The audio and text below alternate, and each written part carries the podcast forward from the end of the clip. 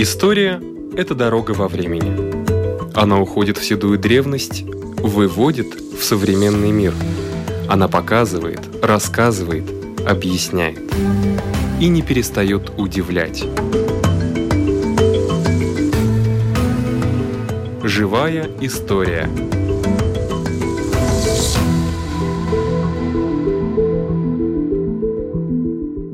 У микрофона Лидия Чера.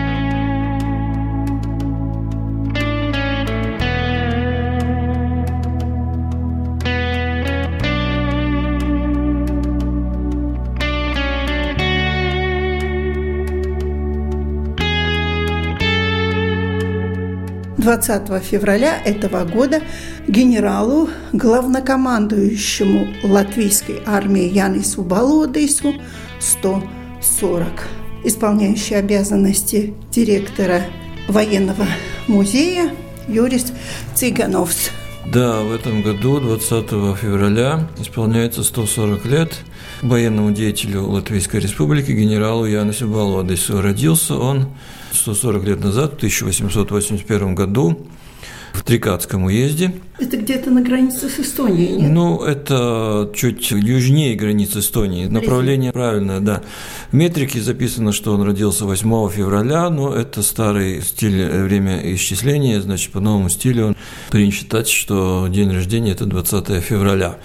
Там же, в Трикате, он учился в общеобразовательной школе, а потом он поступил э, в русскую императорскую армию и в 1900 году поступил в Вильнюсское юнкерское училище, которое закончил через два года.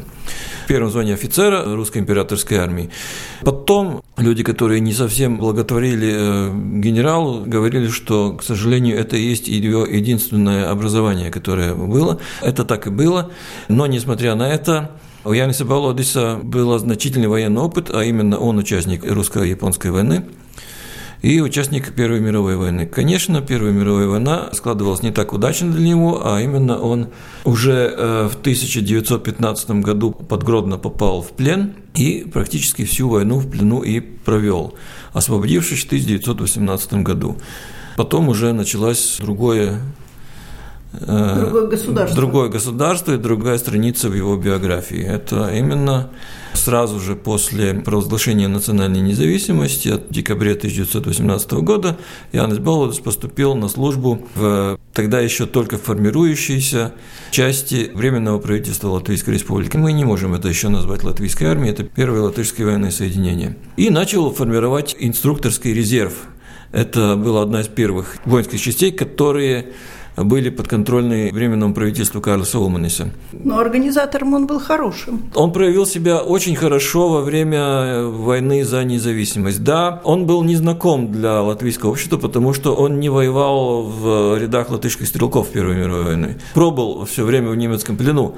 И здесь были, конечно, военные деятели, которые все Первую мировую войну провели э, в рядах латышских стрелковых полков, они были знакомые обществу. Болодец такой не был. Ну и Оскар Скалпакс тоже такой не был.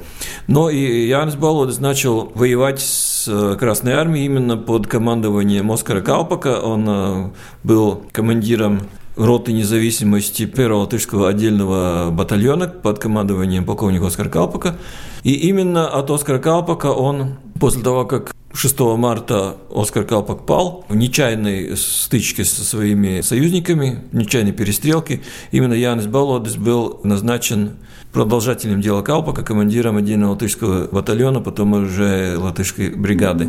И тогда его карьера очень стремительно пошла вверх. Пошла вверх, да. Когда образовалась Единая латвийская армия – это июль 1919 года путем слияния Южной бригады и Северной бригады. Тогда еще первым главнокомандующим латвийских вооруженных сил латвийской армии назначили нейтрального человека, генерала Давида Симонсона, потому что Янис Балодис, как командир Южной бригады, и Йордис Заметанс, как командир Северной бригады, не могли между собой поделить э, лавры первенства.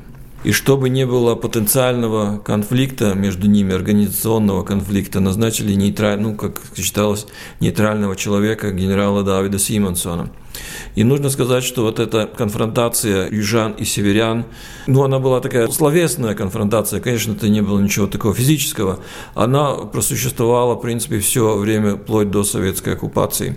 В рядах военнослужащих латвийской армии и в рядах ветеранов войны за независимость. Но, как бы ни было, после начала атаки Бермонта на Ригу. Янис Балводис 15 октября 1919 года стал главнокомандующим латвийскими вооруженными силами и пробыл на этом посту вплоть до победы, вплоть до освобождения всей территории Латвии и вплоть до того, что этот пост был ликвидирован апрель 1921 года. Но все войну за независимость, это вторую половину, и самые главные сражения, самые главные военные операции происходили именно под руководством генерала Яниса Балодиса, тогда еще полковника, осенью 1919 года. Но он был первый человек в латвийской армии, который получил генерала именно в латвийской армии.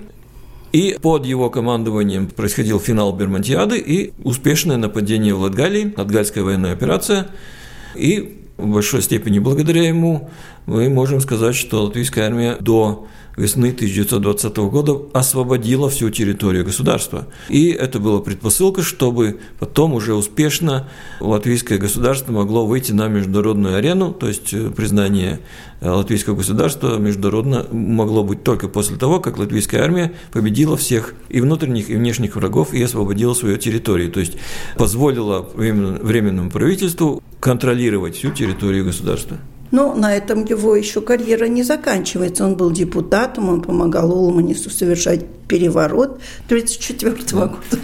Да, После того, как был упрежден пост главнокомандующего, и армия перешла из военного положения в мирное положение, то есть численность сократилась довольно значимо, в межвоенный период численность латвийской армии достигала от 19 до 21-22 тысяч человек, штыков, в военное время это было около 70 тысяч щеков, больше, чем наполовину сократилось. И пост главнокомандующего – это был пост военного времени.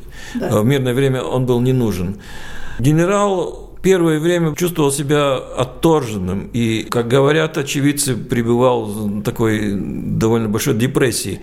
Но потом он начал и политическую деятельность в кавычках. Почему в кавычках, объясню. Да, он был депутатом трех сеймов от э, Союза латвийских крестьян. Но он был, с одной стороны, очень прилежным депутатом, а именно за все свое время, будучи депутатом, он ни разу не выступил из трибуны, он ни разу не сделал никакой работы в законодательном плане, то есть не подал инициативы, несмотря на то, что в всех трех сеймах он был выбран председателем военной комиссии. И протокол военной комиссии не сохранились, но тоже из воспоминаний Э, мы можем видеть, что и в военной комиссии его инициатива была абсолютно ноль. Некоторые депутаты левого толка называли его э, мягкий как губка, то есть, в принципе, никакой. И в военном деле он тоже, уже в то время он не был активным военным, и значит, ну, в военном деле он э, даже, ему не надо было преуспевать, но его карьера повернула, может быть, такое другое русло. В 1931 году он стал военным министром. И на этом посту пробыл вплоть до апреля 1940 года. Это значит больше, чем 8 лет. Он поддерживал Улманиса. Да, он поддерживал Улманиса. До этого я хотел сказать, что как его можно оценивать как военного министра, его реально можно оценивать как военного министра до 1934 года, потому что потом э, это уже не объективный подсчет. И видный социал-демократ Бруно Калнинч в свое время говорил, что как военный министр Балводис был столько же пассивный, как и депутат. Военное ведомство работало, как обычно, она была отлажена как часы, и министр только подписывал бумаги. Это сказал Бруно Калныч. Дело в том, что, как и сейчас, может быть, и тогда военное ведомство это было то, где министр не мог особо наломать дров. Там все шло по-военному, четко, и угу. слаженно, и никаких таких больших проколов у военных министров, как правило, нету. Ну, разве что проигранная война или что-то в этом роде, но это не относится к нашему государству. Как пишет известный историк Айвар Странга, что Балодис был простой, медлительный и нерешительный, а именно он очень-очень долго думал, что ему делать насчет переворота Улманиса, поддерживать его или не поддерживать.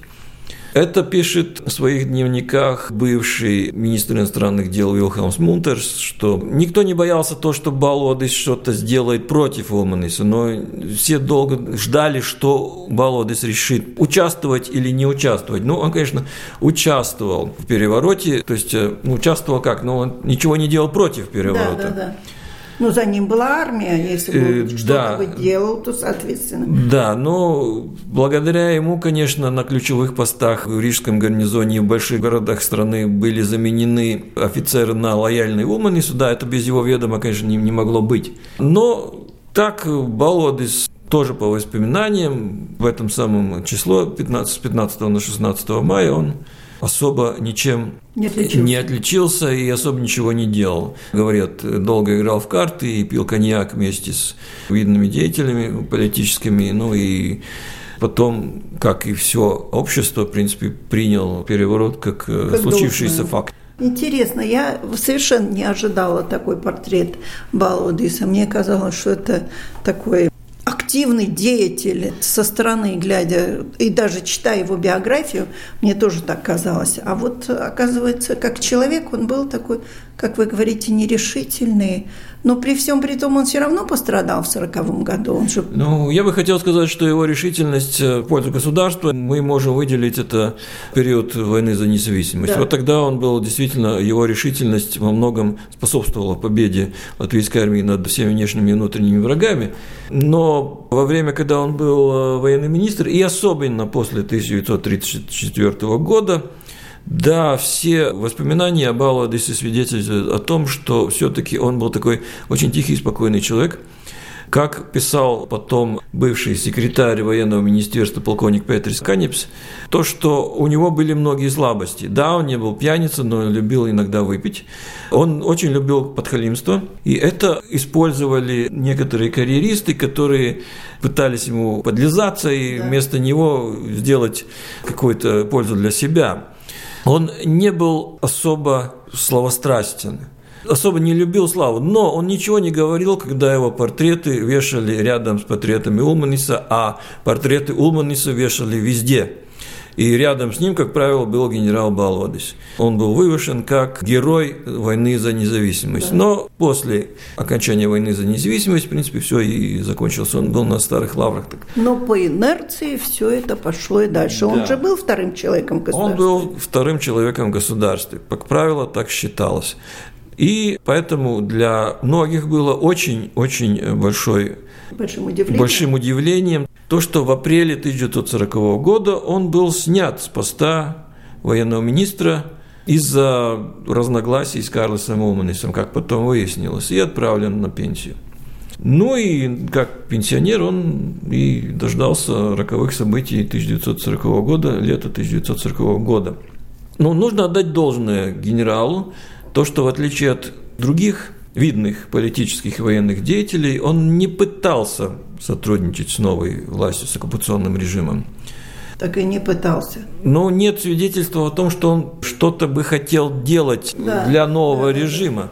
Может быть, что есть такие предположения, что и новым оккупационным властям он был не особо нужен, потому что хватало людей, которые делают эту черную работу которые лучше, готовы, которые были готовы. Может быть, он был конформистом, но не был таким безыдейным конформистом. Ну, есть люди, которым все равно, что делать. Я предполагаю, что, например, Виллис Лацис и некоторые другие такие, может быть, были. Им было хорошо, они хотели быть, чтобы им было хорошо при новой власти, и они пошли на сотрудничество с новой властью. Болот был не такой. Да, он пытался баллотироваться в Народный Сейм, так называемый, в независимом списке, который не допустили, в демократическом списке, так называемом, который не допустили к выборам, э, так называемым выборам, в кавычках, в Народный Сейм в июле 1940 года. А потом все-таки он был и арестован, и был репрессирован, отправлен э, в Сызранскую тюрьму. Тем же самым Виллисом Лапцисом. Да, конечно, санкции его ареста утверждались на самом высоком уровне, безусловно. Да, он был отправлен в Сызранскую тюрьму, потом его во время Второй мировой войны увезли в Куйбышев, потом Иванов, потом во Владимир. Это были нормальные сталинские тюрьмы. Это не был ГУЛАГ, конечно. Это не концлагеря это были, да. и не тюрьмы смерти, но все равно это были нормальные, тоже, как можно сказать, нормальные сталинские тюрьмы. Есть свидетельство о том, что это писал советский историк Виллис Самсон, что во время Второй мировой войны Янис Балодес предлагал свои услуги в качестве человека, который мог бы оказать организационные услуги в том, что на оккупированной латвийской территории организовать партизанское движение против немцев. Об этом писал потом в своих воспоминаниях и известный латышский историк Андрис Цауне, отец которого часто контактировался с Янисом Балодисом, когда он уже вернулся на родину после ссылки. Суть заключается в том, что на территории оккупированной Латвийской республики, немцами оккупированной, советское партизанское движение было очень-очень слабое. Практически его не было, по крайней мере, сначала. И Янс Болодис, потом Вилла Самсонс показывал и опубликовал этот документ, что Янс Болодис писал правительству Латвийской ССР, тому же самому Виласу Латису, о том, что он мог бы, как нелегально заброшенный на территории Латвии, организовать противонемецкое партизанское движение. Вилас Латис якобы это одобрил. Это было одобрено и со стороны Аугуста Кирхенштейна, то есть председателя Верховного Совета Латвийской ССР.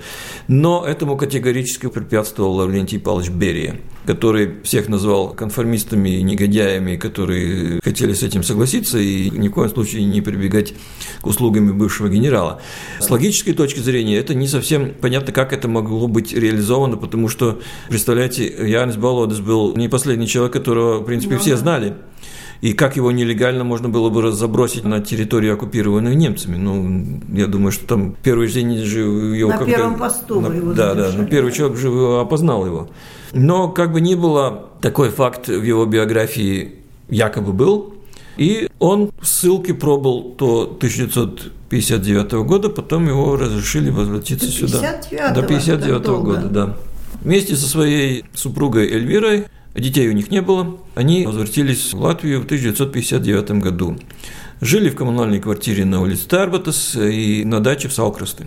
Есть спекуляции о том, что Янис Балодис получал персональную пенсию. Нет, он не был персональным пенсионером, он получал минимальную пенсию 35 рублей, и на это и жил. Также его супруга Эльвира.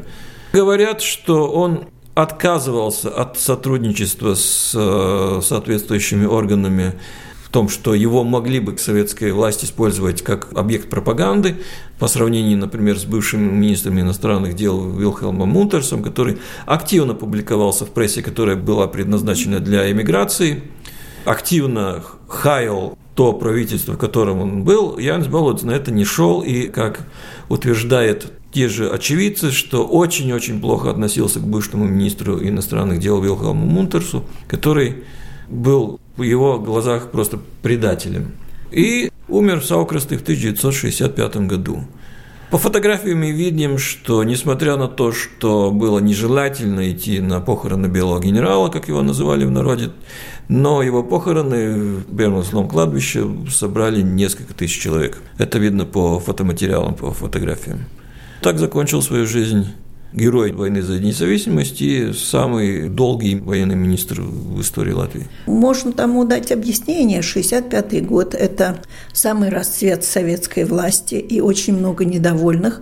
Естественно, генерал Балудис – это олицетворение той Латвии, которая была, это золотого времени. Да, именно. И к тому же это тоже ясно по воспоминаниям. Я и читал, и слышал, что когда он возвратился, слухи поползли, что Янс Болодис здесь. Он вот, да, он уже был старый, немощный, больной, и после возвращения он прожил всего 6 лет в Латвии. Но эти слухи были – и он на машине того же Валдемара Цауна, они путешествовали по Латвии, они ездили в Курзаме, ездили в ту же самую Трикату, его узнавали. Наверное, что его наблюдали. Соответствующие органы его наблюдали. Поэтому он сидел тихо.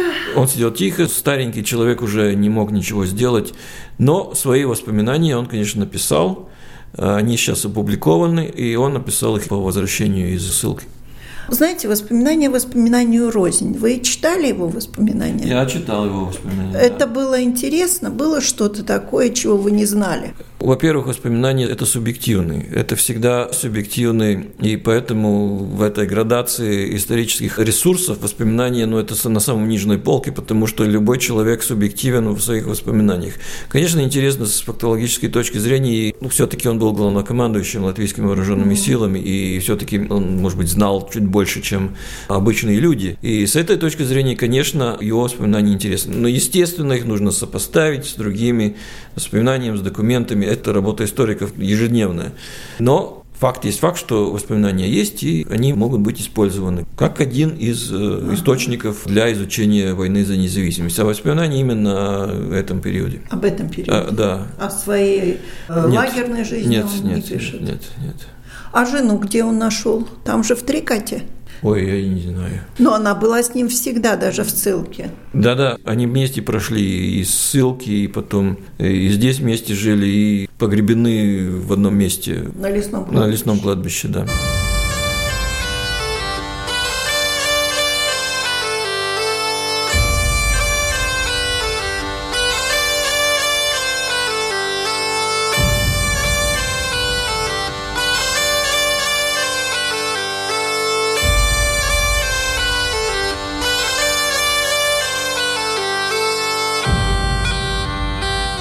Собеседник, исследователь латышской национальной одежды, доктор искусствоведения Ева Пригозная. Латышская аудитория знает вас достаточно хорошо. Обувь в латышской традиционной одежде.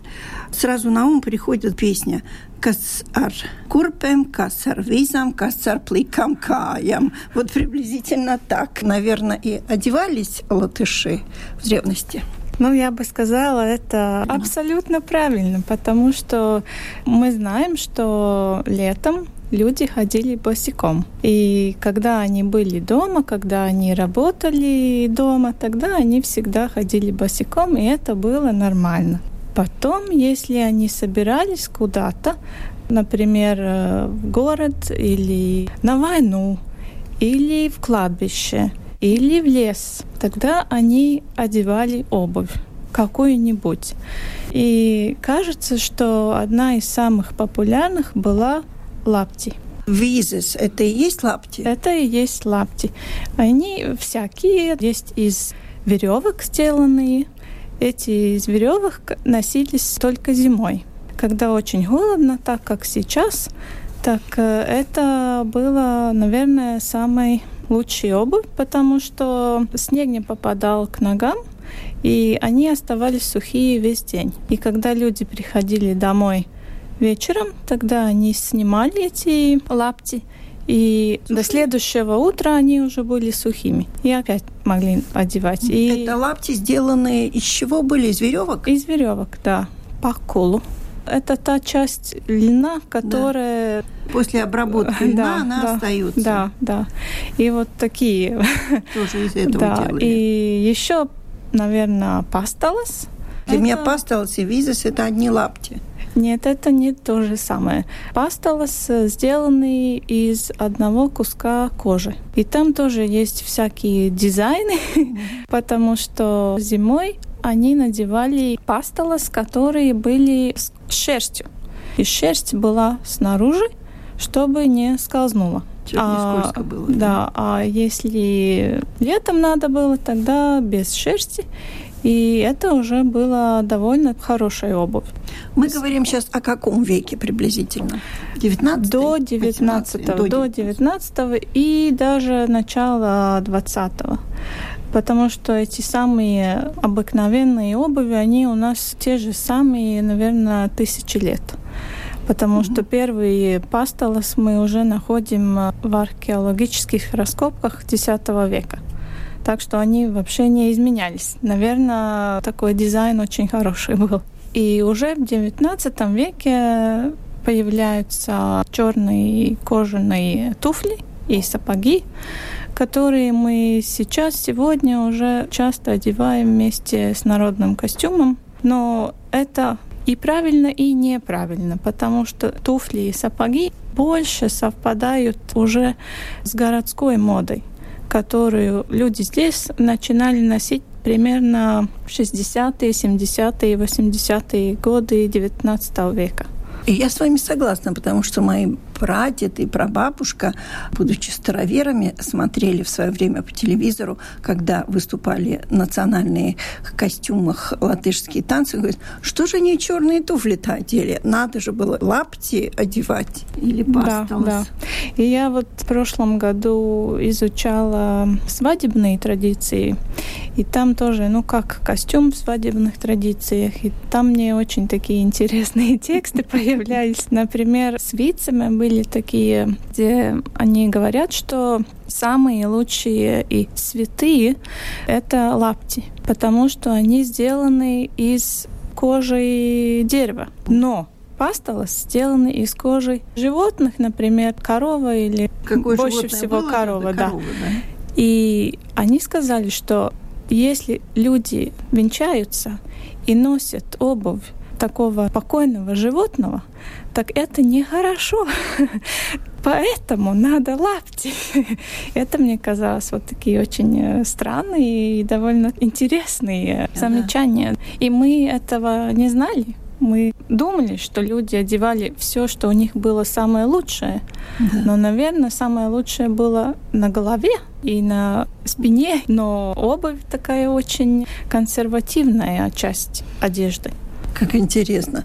Вот э, слушай, думаю, а остальной мир тоже обувался в то же время, как и латыши? Те же самые традиции есть Восточной Европе, и тоже Россия, и Литва, и Польша, Чехословакия, нет, это Чехия. И у них те же самые. Когда мы уже смотрим более в запад, тогда уже появляются и другие виды обуви. Но это довольно-то большая географическая область, где те же самые традиции, только каждый народ и даже каждый регион делал о них по-своему. Я знаю, что стекольщик в свое время была очень престижная профессия. Интересно, сапожник была ли престижной профессией? Трудно сказать. Очень много вот таких замечаний не оставалось. Например, у моей бабушки были родственники в детстве, сапожники, и у них всей семьи девять детей было, у них всех была хорошая обувь, именно потому, что сапожник был родственником. Это 20-е 30-е годы 20 века. И, наверное, это было хорошо, да. потому что у других, наверное, так не было. Но многих из этих традициональных видов обуви почти каждый мог сделать. И есть много таких текстов, где говорятся, что люди их делали дома, почти каждый старик делал для всей семьи. Иногда тоже дети, когда они были на работе. Тогда делали, когда работали?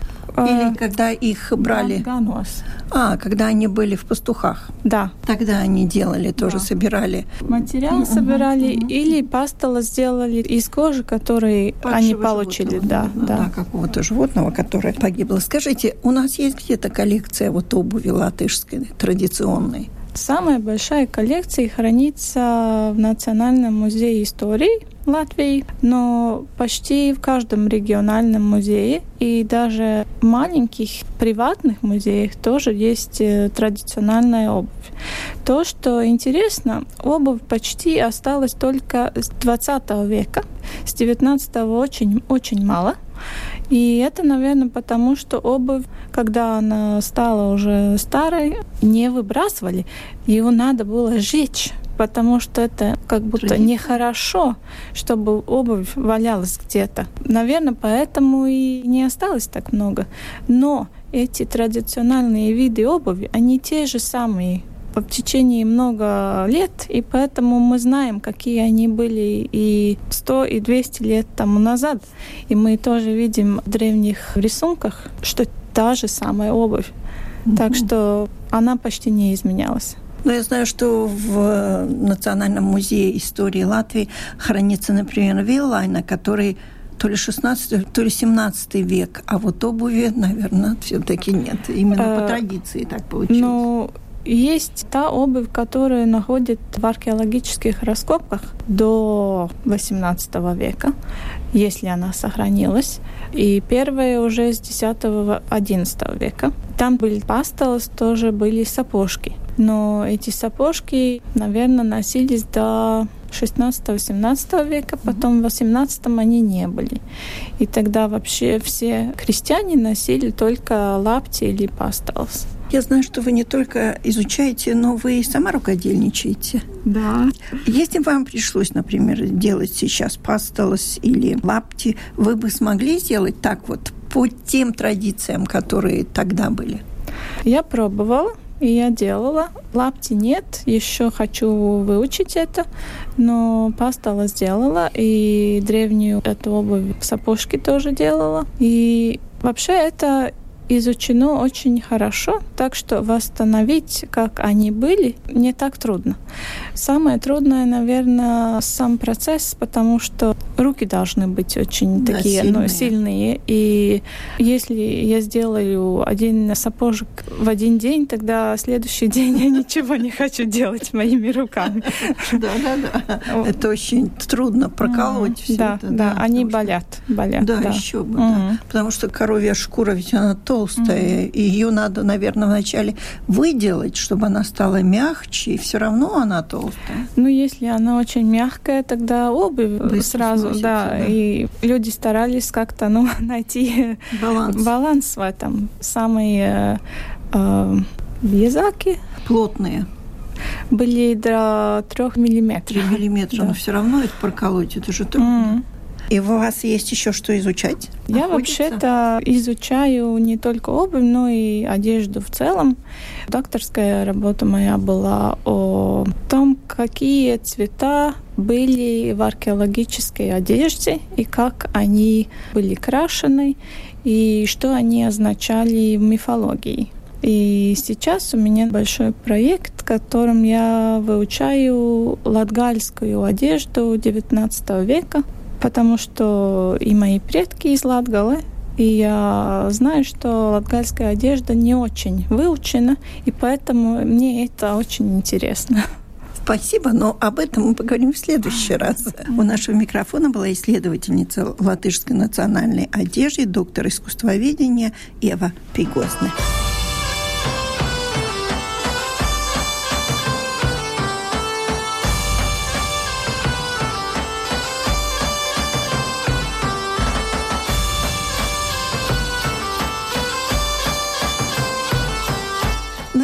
Наша передача заканчивается. Всего вам доброго.